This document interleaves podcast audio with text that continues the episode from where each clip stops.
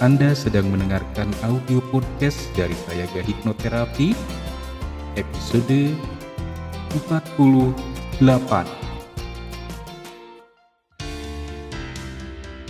Selamat datang di serial audio podcast bersama Sayaga Hipnoterapi. Institusi penyedia layanan hipnoterapi dan konseling profesional di Kota Bandung yang membantu penanganan berbagai masalah kesehatan, emosi, dan perilaku yang mengganggu kualitas hidup. Berpijak pada nasihat luhur, eling, waspada, lan sayaga, serial audio podcast Sayaga Hipnoterapi hadir untuk membantu Anda menata kehidupan yang berkualitas secara fisik, mental, emosional, dan spiritual dengan sikap yang lebih berkesadaran, lebih berwaspada, dan lebih bersiaga. Serial audio podcast Sayaga Hipnoterapi menghadirkan inspirasi kehidupan yang diintisarikan dari berbagai keilmuan psikologi dan pengembangan diri yang juga diadaptasi dari kisah nyata para individu yang menjalani program terapi dan konseling bersama tim profesional dari Sayaga Hipnoterapi. Halo semuanya, senang sekali dapat berjumpa lagi dengan Anda para kawargian Sayaga semua saya Dr. Hera Gustianto Ali Murni atau yang biasa Anda kenal dengan Dr. Anto. Kali ini kita berjumpa lagi dan saya akan membahas sesuatu yang menarik.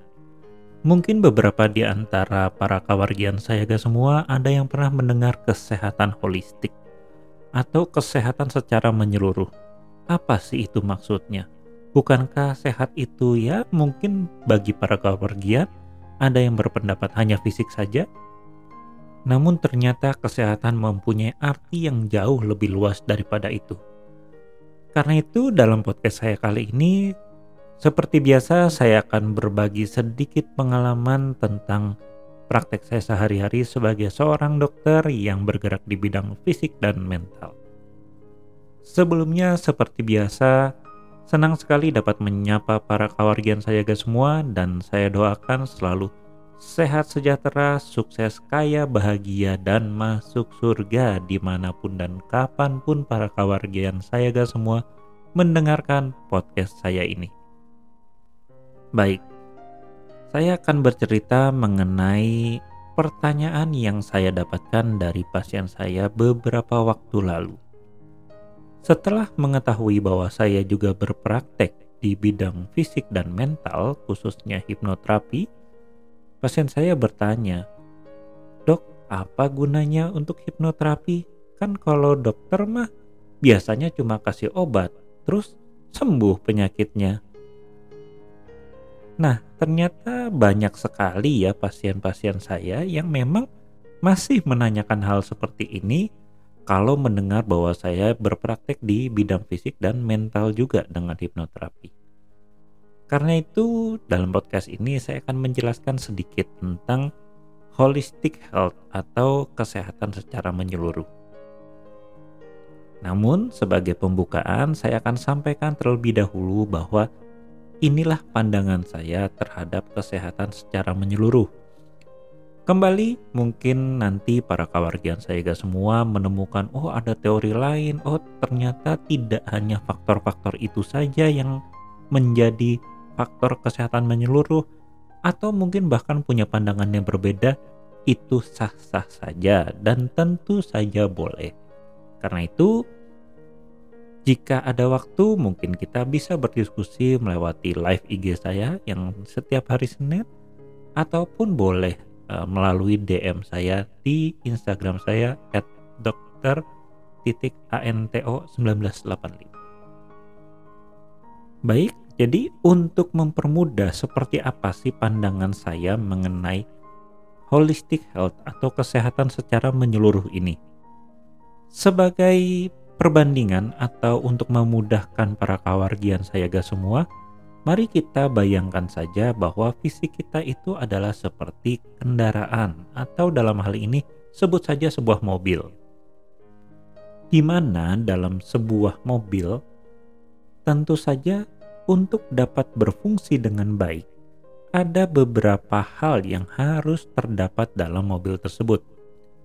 Sebut saja satu, ya tentu saja harus ada kerangka atau fisiknya ya. Ada mesinnya, ada bannya, kemudian mesinnya baik, mungkin juga ada radiatornya. Tentu saja semua hal tersebut wajib ada dalam sebuah kendaraan yang kita sebut dengan mobil. Tanpa ada fisik tersebut, yaitu tidak ada bannya contohnya, maka tentu saja mobil tersebut akan sangat sulit untuk berjalan ya. Kembali lagi pada masa sekarang kita masih menggunakan ban sebagai penghubung antara gerak mesin dengan lajunya mobil tersebut ya. Mungkin di lain waktu atau di masa depan mobilnya sudah bisa terbang ya, itu lain cerita ya. Nah, fisik mobil tersebut ya sama dengan fisik kita ya ada bannya, ada mesinnya. Tentu saja di kita juga ada kan ya tangan, kaki, paru-paru, jantung dan lain-lain itulah fisik kita. Itu faktor pertama dalam holistic health. Oke? Okay? Kemudian kita bicara faktor kedua. Nah, setelah si mobil tersebut tadi ada bannya, ada persnelingnya, ada mesinnya, ini sebetulnya sudah bisa jalan dong dalam artian ya kalau kita dorong mungkin dia bisa gelinding kan ya minimal bisa jalan lah. Atau mungkin bisa dibayangkan bagi anda yang pernah menonton film Flintstone nah itu dijalankan dengan kaki ya. Tapi intinya bahwa dengan fisik tersebut mobil tersebut sudah bisa jalan ya. Nah untuk memudahkan atau membuat mobil ini lebih menarik maka tentu saja akan dipasang berbagai fitur di dalamnya, terutama mungkin untuk keselamatan ya. Ada indikator-indikator bensin misalnya, oli, kemudian bahkan safety belt, dan indikator-indikator lainnya bahkan juga mungkin fitur-fitur yang canggih seperti GPS dan lain-lain. Ya makanya sekarang bahkan mobil sudah bisa terhubung ya dengan satelit bahkan langsung atau minimal dengan HP kita. Nah, fitur-fitur tambahan tersebut yang membuat kita mungkin akan jadi lebih menarik atau le jadi lebih tertarik terhadap mobil tersebut, itulah mental. Ya, itulah mental emosional. Gampangnya, yaitu tadi, Anda dalam menjalani hidup. Kembali dengan adanya fisik, Anda sudah bisa berjalan ya, Anda sudah bisa bekerja, Anda sudah bisa makan dan lain-lain namun kalau bayangkan hidup Anda tanpa mental emosional, tanpa adanya rasa bahagia, sedih, takut, marah, dan lain-lain, seperti apa rasanya kita menjalani hidup ini? Oke, mungkin berjalan, tapi menurut saya pribadi tidak akan terlalu menyenangkan. Dan kembali seperti fitur keselamatan pada mobil tersebut, emosional ternyata juga mempunyai fungsi seperti itu dalam hidup kita Takut berarti kita mempunyai kewaspadaan yang tinggi terhadap suatu hal. Marah itu berarti kita perlu menegaskan sesuatu terhadap hal tersebut. Dan emosi-emosi lainnya seperti sedih itu kan juga merupakan tanda bahwa kita ternyata sangat menyayangi atau menyukai hal tersebut dan lain sebagainya.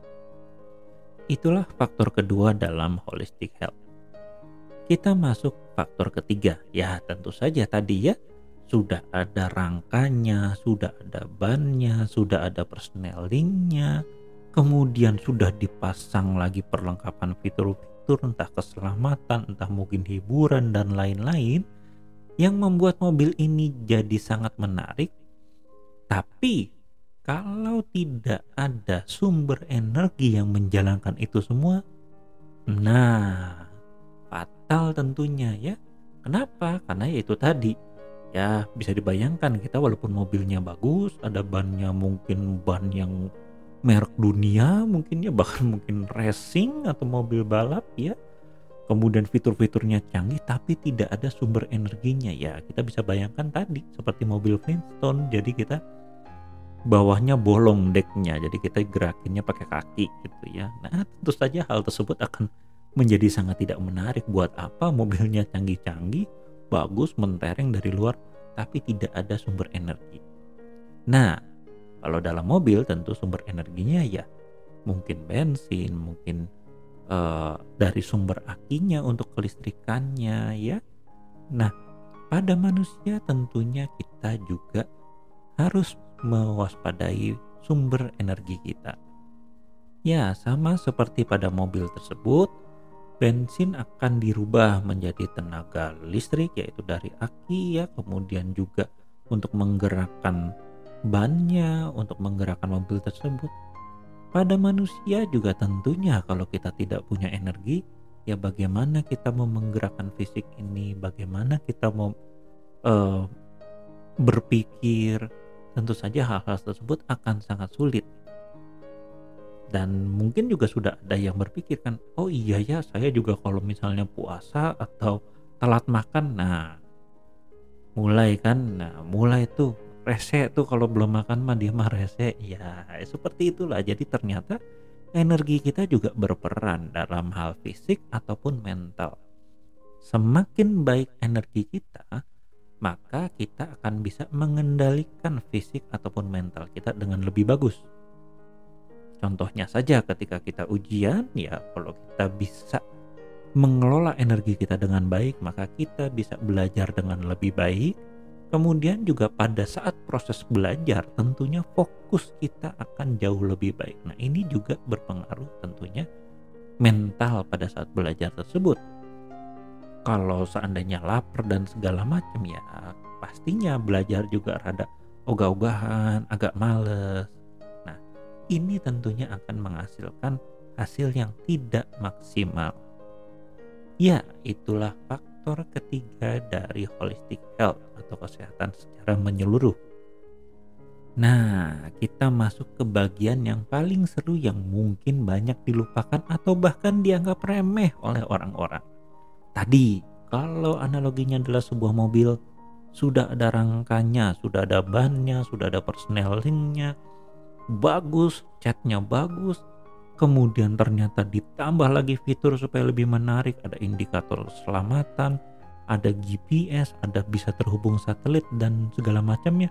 Plus lagi di sudah diisi atau dipenuhi dengan sumber energinya yaitu bensinnya sudah penuh, akinya sudah full charge. Nah, tentu saja semua hal itu ya akan percuma kalau ternyata mobil tersebut tidak mempunyai tujuan atau katakanlah minimal ada supir atau ada yang mengendarainya. Supaya apa? Kembali, mobil ini butuh sebuah tujuan. Inilah faktor keempat yang kadang-kadang suka dilupakan atau dianggap remeh oleh orang-orang, yaitu jiwa di mana saya berpendapat bahwa jiwa inilah tempat dari semua keinginan. Kembali bukan kebutuhan. Sekilas perbedaannya yaitu tadi. Kalau dalam analogi mesinnya sendiri mungkin butuh bensin. Bensinnya jenis apa? Oke, itu adalah kebutuhan dari si mesin. Namun tentunya mesin tidak bisa menentukan ke mana dia akan menuju dia butuh keinginan dari si pengemudi. Hal ini juga lah yang terjadi pada manusia. Tubuh kita tentunya mempunyai kebutuhannya sendiri-sendiri ya. Mungkin sudah banyak yang mengerti lah empat sehat lima sempurna. Tapi tanpa keinginan dari si jiwa untuk memenuhi kebutuhan tersebut tentu saja hal ini akan sangat sulit untuk direalisasikan. Sehingga kalau saya berbicara tentang holistic health atau kesehatan secara menyeluruh, tentunya kita harus mempunyai satu fisik yang baik, dua mental yang cukup, tiga sumber energi yang memadai, dan empat jiwa yang baik. Dan sekarang saya akan membahas secara singkat ataupun contoh yang paling ringan ya yang paling sering saya temui di mana ketika kita bicara kesehatan hanya dari fisik dan bukan secara holistik kita tidak akan pernah menemukan inti permasalahan dan ketika kita tidak menemukan inti permasalahan maka sebetulnya kita sedang memelihara permasalahan tersebut dan bukan fokus pada penyelesaiannya. Oke, tanpa panjang lebar, begini misal. Contohnya, sering saya temui obesitas. Nah, mungkin sudah ada yang rada-rada mulai terkunci pendengarannya ya, tapi nggak apa-apa, kita lanjutkan ya. Maka kita bahas obesitas dari empat faktor tersebut. Yang pertama adalah dari faktor fisik. Ada beberapa yang berpendapat bahwa obesitas atau kegemukan yang berlebihan itu kan karena faktor genetik. Lah, bapaknya, ibunya besar, ya pantaslah anaknya besar. Maka ya tidak ada yang bisa dilakukan gitu kan. Kenapa? Karena ya mau dia makan sedikit ataupun banyak, dia tetap gemuk. Inilah beberapa alasan yang diungkapkan oleh orang yang menderita obesitas. Kembali bukan hal tersebut tidak ada. Bukan. Hal tersebut bisa saja memang ada secara genetik. Namun, secara genetik itu tidak bisa terrealisasi tanpa adanya lingkungan yang mendukung. Ya, saya selalu bilang, Oke, begini saja. Kalau misalnya ini memang faktor genetik, maka coba puasa. Kalau puasa dia masih tambah gemuk, nah itu baru saya angkat tangan. Karena secara fisik sudah tidak masuk akal gitu kan. Orang tidak makan apa pun, tiba-tiba beratnya tambah gitu kan. Nah itu saya angkat tangan. Oke, sekarang kita bahas faktor kedua, iya mental ya. Nah, kalau yang ini mungkin sudah banyak yang mendengar bahwa ada yang dikenal dengan istilah emotional eating. Maka inilah hal yang biasanya justru harus diselesaikan. Dalam bidang kami yaitu hipnoterapi, hal tersebut bisa untuk diselesaikan sehingga makanan tidak lagi menjadi pelarian dari permasalahan yang sedang dihadapi. Lanjut ke faktor ketiga yaitu energi.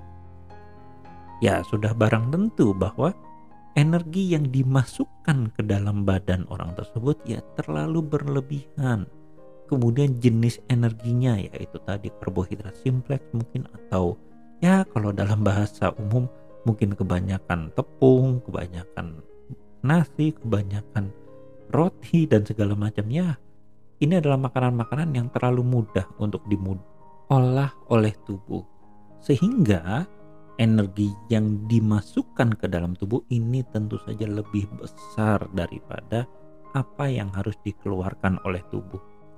Dan dalam jangka waktu panjang tentu ini akan menjadi penumpukan energi dalam tubuh sehingga ya itu tadi akan merusak sistem dalam tubuh. Nah, sekarang kita bahas yang paling seru sebetulnya. Kembali jiwa. Kalau kita berpikir sebetulnya orang obes ini makan karena sebuah keinginan atau sebuah kebutuhan. Secara mudah kita akan berpikir bahwa memang makan adalah sebuah kebutuhan, tapi apakah perlu sebanyak itu? Nah, silakan Anda jawab. Yang kedua, biasanya orang akan berkata, ya gimana lagi dok, dah pinginnya makan yang banyak. Nah, inilah yang kita sebut dengan jiwa yang sakit dalam tanda kutip ya. Ya, kita tentunya paham bahwa sebuah keinginan timbul karena sesuatu. Dan sesuatu itu yang paling mudah kita akan bahas dalam filosofi dasar manusia yaitu manusia selalu mencari kesenangan menghindari ketidaknyamanan. Maka dari dua hal ini apa sebetulnya yang dia cari? Kalau yang kedua yaitu menghindari ketidaknyamanan ya maka sebetulnya kita harus menangani ketidaknyamanan tersebut yang mungkin bisa masalah dengan keluarga, masalah percaya diri, stres pekerjaan dan lain-lain. Atau yang kedua yaitu mencari kesenangan atau kenyamanan. Ya, kembali lagi mencari sebuah kenyamanan berarti dia sedang tidak nyaman dengan kondisinya saat ini. Inilah juga yang harusnya kita gali dari orang tersebut. Karena apa?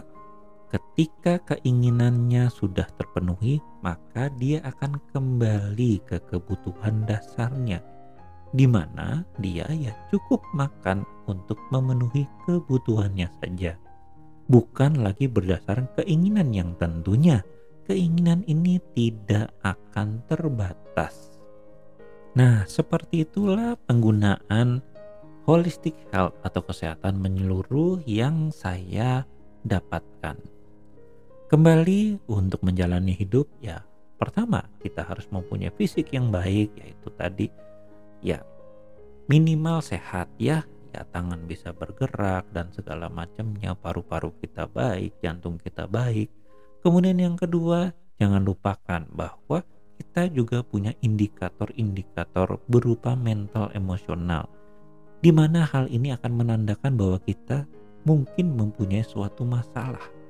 Inilah yang perlu diselesaikan begitu kita mempunyai masalah mental emosional ini. Yang ketiga tentunya pastikan bahwa energi Anda akan cukup untuk tadi menggerakkan fisik dan juga mengendalikan mental emosional Anda. Yang terakhir, pastikan Anda mempunyai keinginan yang jelas dalam hidup Anda. Kenapa? Karena kembali lagi, Anda akan bergerak sesuai dengan jiwa Anda jika jiwa kita mungkin mengalami suatu gangguan, ya entah itu mungkin trauma, mungkin juga kekecewaan yang terlalu mendalam dan lainnya, maka ini tentu saja akan menimbulkan jiwa yang tidak sehat. Di sinilah kami juga dari hipnoterapi sangat memahami hal tersebut, sehingga apa pun permasalahan yang Anda alami, kita akan mencoba untuk menggali lebih dalam ke dalam keinginan jiwa Anda. Karena di situlah kita bisa mendapatkan jawaban dari kenapa hal tersebut Anda lakukan. Dalam pandangan saya sendiri, prinsip hipnoterapi adalah untuk memastikan bahwa kita semua membuat keputusan yang baik berdasarkan pikiran yang rasional atau logis dan mental emosional yang stabil. Tanpa adanya dua hal tersebut tentu saja, tanpa pikiran yang rasional Anda bisa saja salah dalam membuat keputusan, apalagi kalau keputusannya dibuat berdasarkan mental emosional yang tidak stabil. Ya contohnya saja didasari oleh kemarahan, kesedihan, ketakutan, atau bahkan kekecewaan yang mendalam ini tentu saja akan membuat Anda sangat-sangat sulit dalam menjalani hidup. Contohnya juga sama ketika dalam kesehatan Anda membuat keputusan-keputusan yang salah, ya seperti tadi itu. Anda jadi makan yang banyak, tidak bergizi, sekedar makanlah atau sekedar hidup ya tentu saja tubuh kita tidak akan menjadi lebih sehat dari yang. Namun begitu kita sudah memutuskan atau memang kita memiliki keinginan untuk hidup sehat, maka jiwa kita akan menggerakkan energi kita dan energi kita akan menggerakkan fisik dan mental kita untuk menjadi lebih sehat. Demikianlah pandangan dari saya. Terima kasih pada para kawargian saya semua. Sekali lagi menutup podcast ini, saya doakan Anda semua sehat, sejahtera, sukses kaya bahagia dan masuk surga di mana pun dan kapan pun Anda berada saat mendengarkan podcast saya. Salam eling, waspada, lan sayaga. Saya Dr. Anto, undur diri. Dapatkan lebih banyak inspirasi menarik lainnya dengan ikuti Instagram @sayaga.hipnoterapi dan podcast channel Sayaga Hipnoterapi. Kunjungi juga website www.sayaga-hipnoterapi.com untuk temukan lebih banyak informasi menarik lainnya, termasuk untuk memesan layanan hipnoterapi dan konseling bersama para tim profesional dari Sayaga Hipnoterapi di Bandung untuk membantu Anda menangani berbagai masalah kesehatan, emosi, dan perilaku yang mengganggu kualitas hidup. Mari menjalankan kehidupan yang eling, waspada, lan sayaga.